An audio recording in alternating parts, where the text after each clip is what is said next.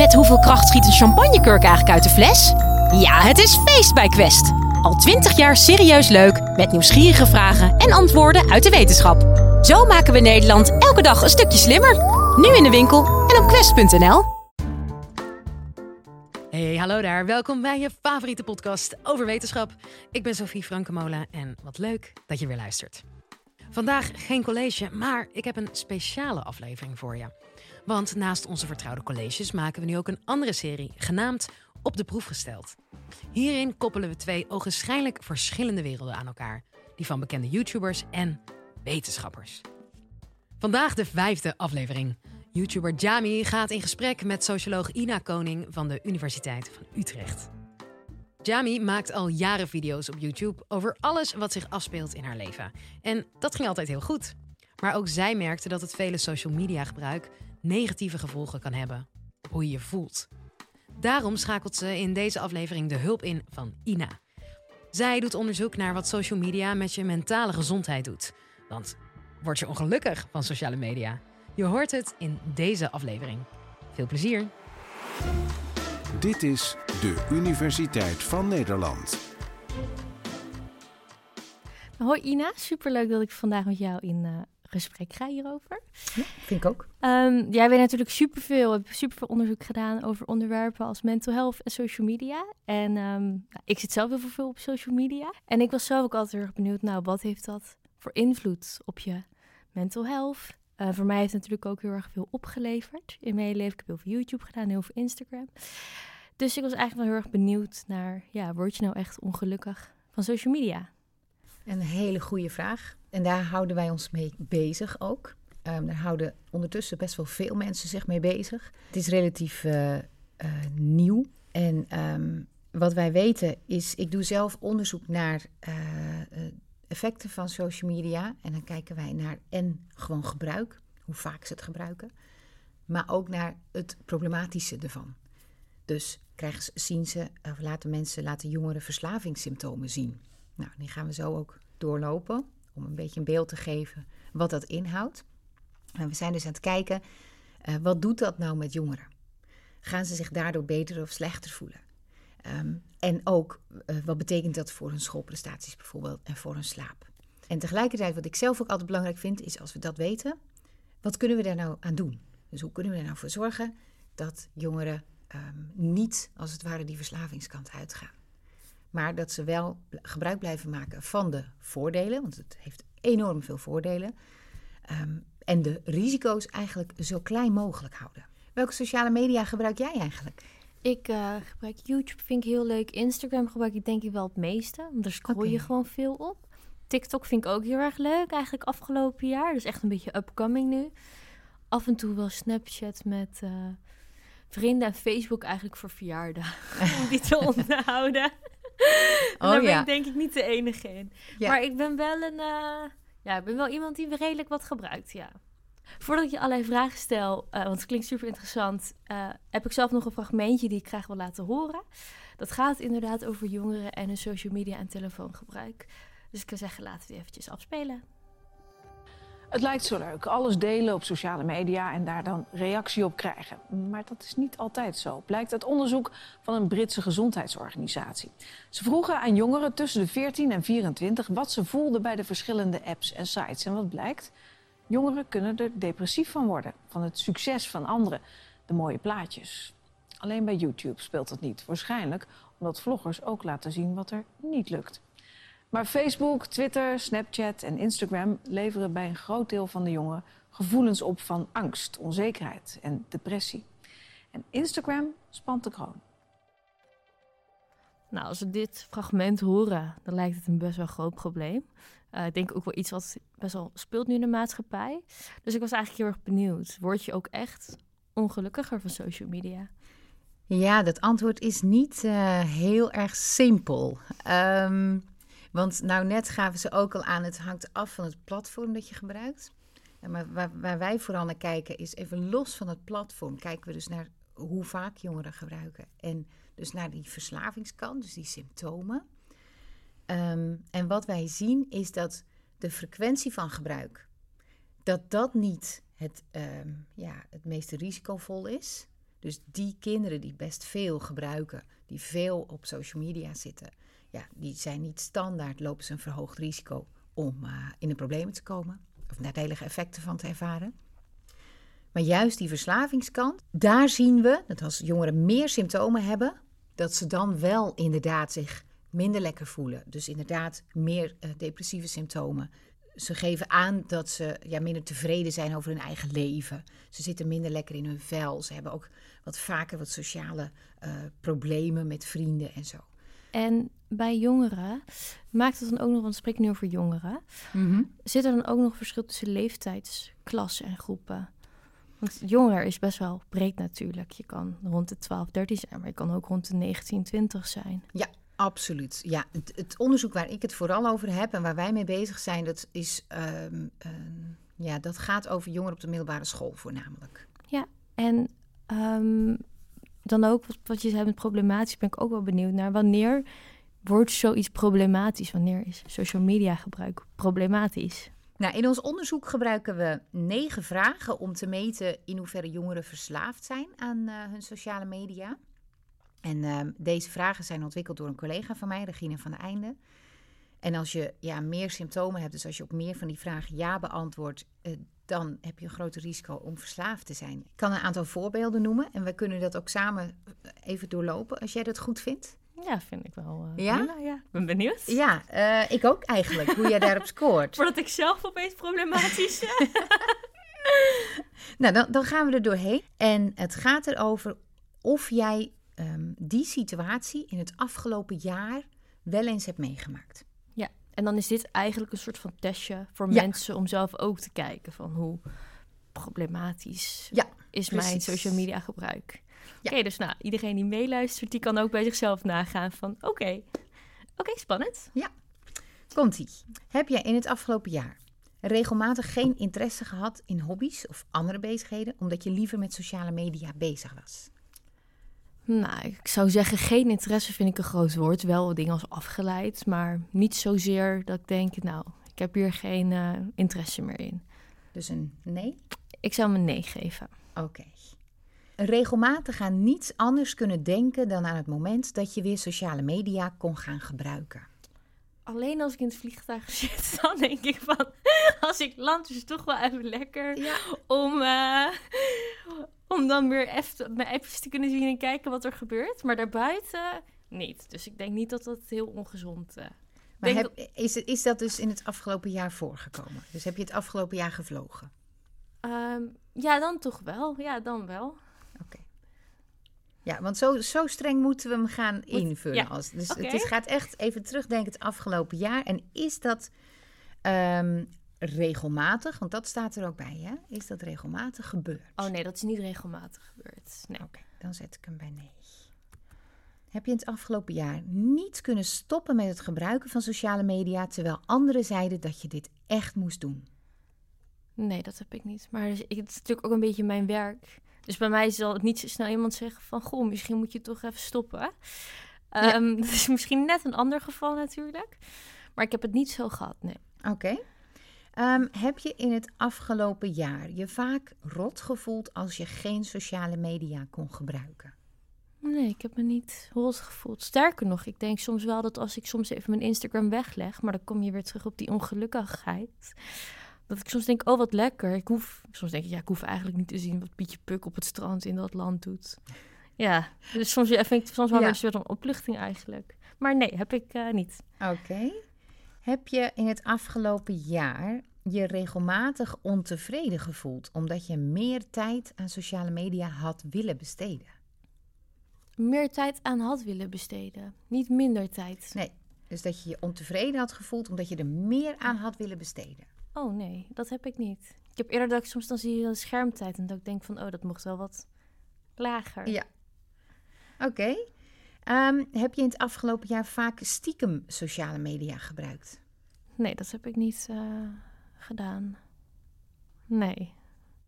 nee. Inderdaad, en deze die situatie is voor jou natuurlijk ook anders. Want je hoeft het ja, waarschijnlijk mij, niet meer stiekem, stiekem te, doen. te doen. Nee, dat nee. ik niet. Inderdaad. Het is niet, uh, toen ik klein was, was ik wel eens huisarrest van de computer of zo. En dan was het wel stiekem. Ja, maar dat is nu ook niet meer het geval.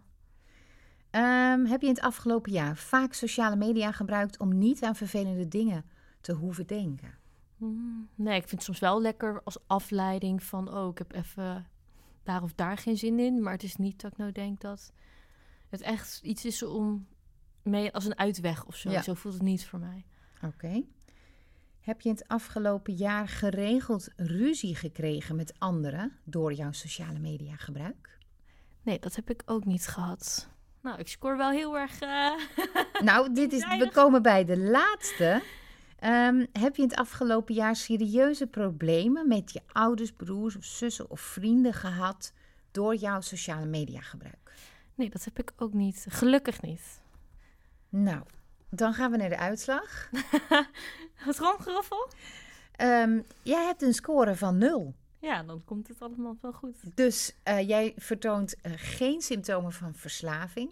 Ja. Dus dan is de kans ook dat jij negatieve impact ervaart van jouw sociale media gebruik op je dagelijks functioneren. Ja, dat scheelt. Nou, nu zegt is het bij mij misschien net een andere combinatie, omdat het ook natuurlijk een Ja, beetje mijn werk is. inderdaad. Dus ik zeg ook altijd van, ehm, maak ik wel eens grapjes over hoor. Dan zit ik bijvoorbeeld wel eens op TikTok. En dan zeg ik van, oh, ik zit erop alleen maar voor inspiratie.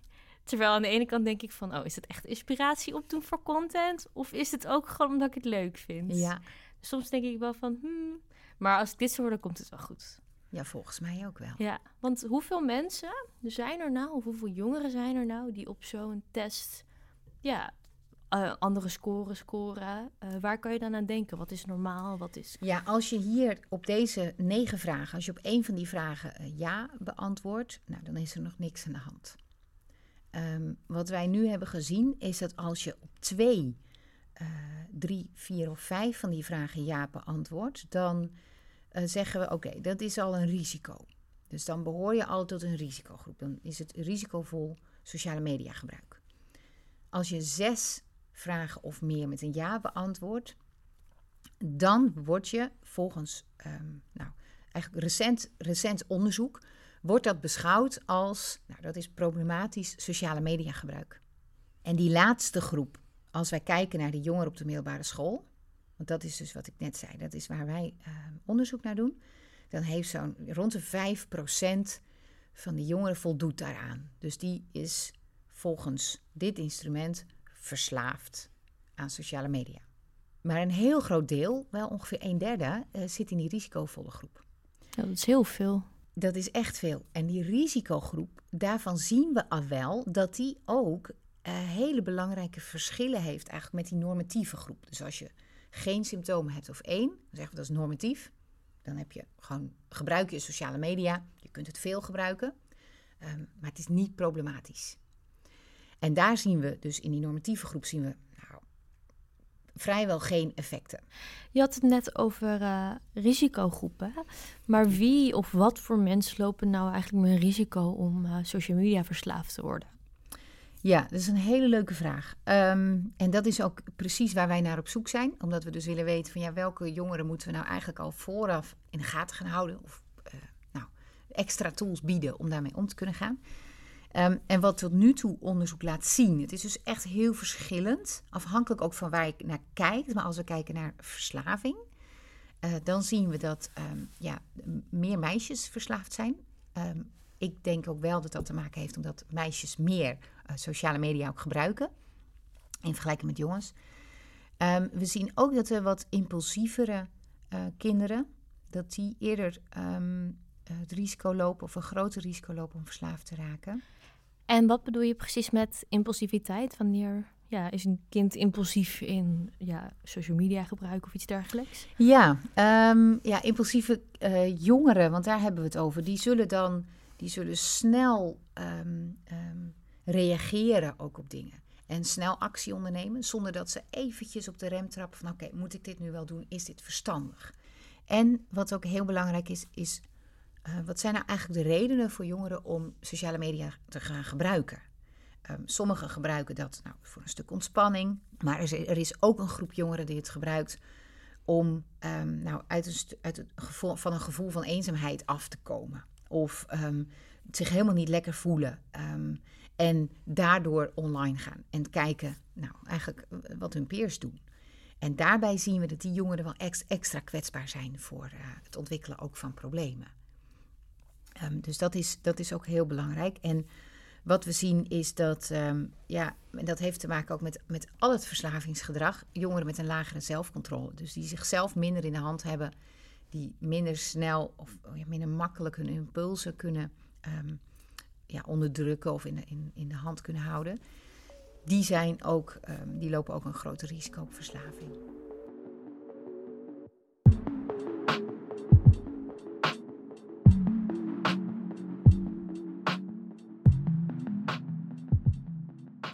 Ja, en we hebben het nu over de generatie van nu. En dan is eigenlijk pak je over, net over die 5%. Ja. Denken jullie dan ook dat het in de toekomst dan meer wordt? Of was het in de toekomst minder? Want social media is best wel een soort van nieuw. Ja. Zien jullie daar dan nog een soort van verschil in, in generaties of in tijd? Ja, dat is nog heel lastig. Een hele leuke vraag. En daar ben ik zelf ook heel benieuwd naar.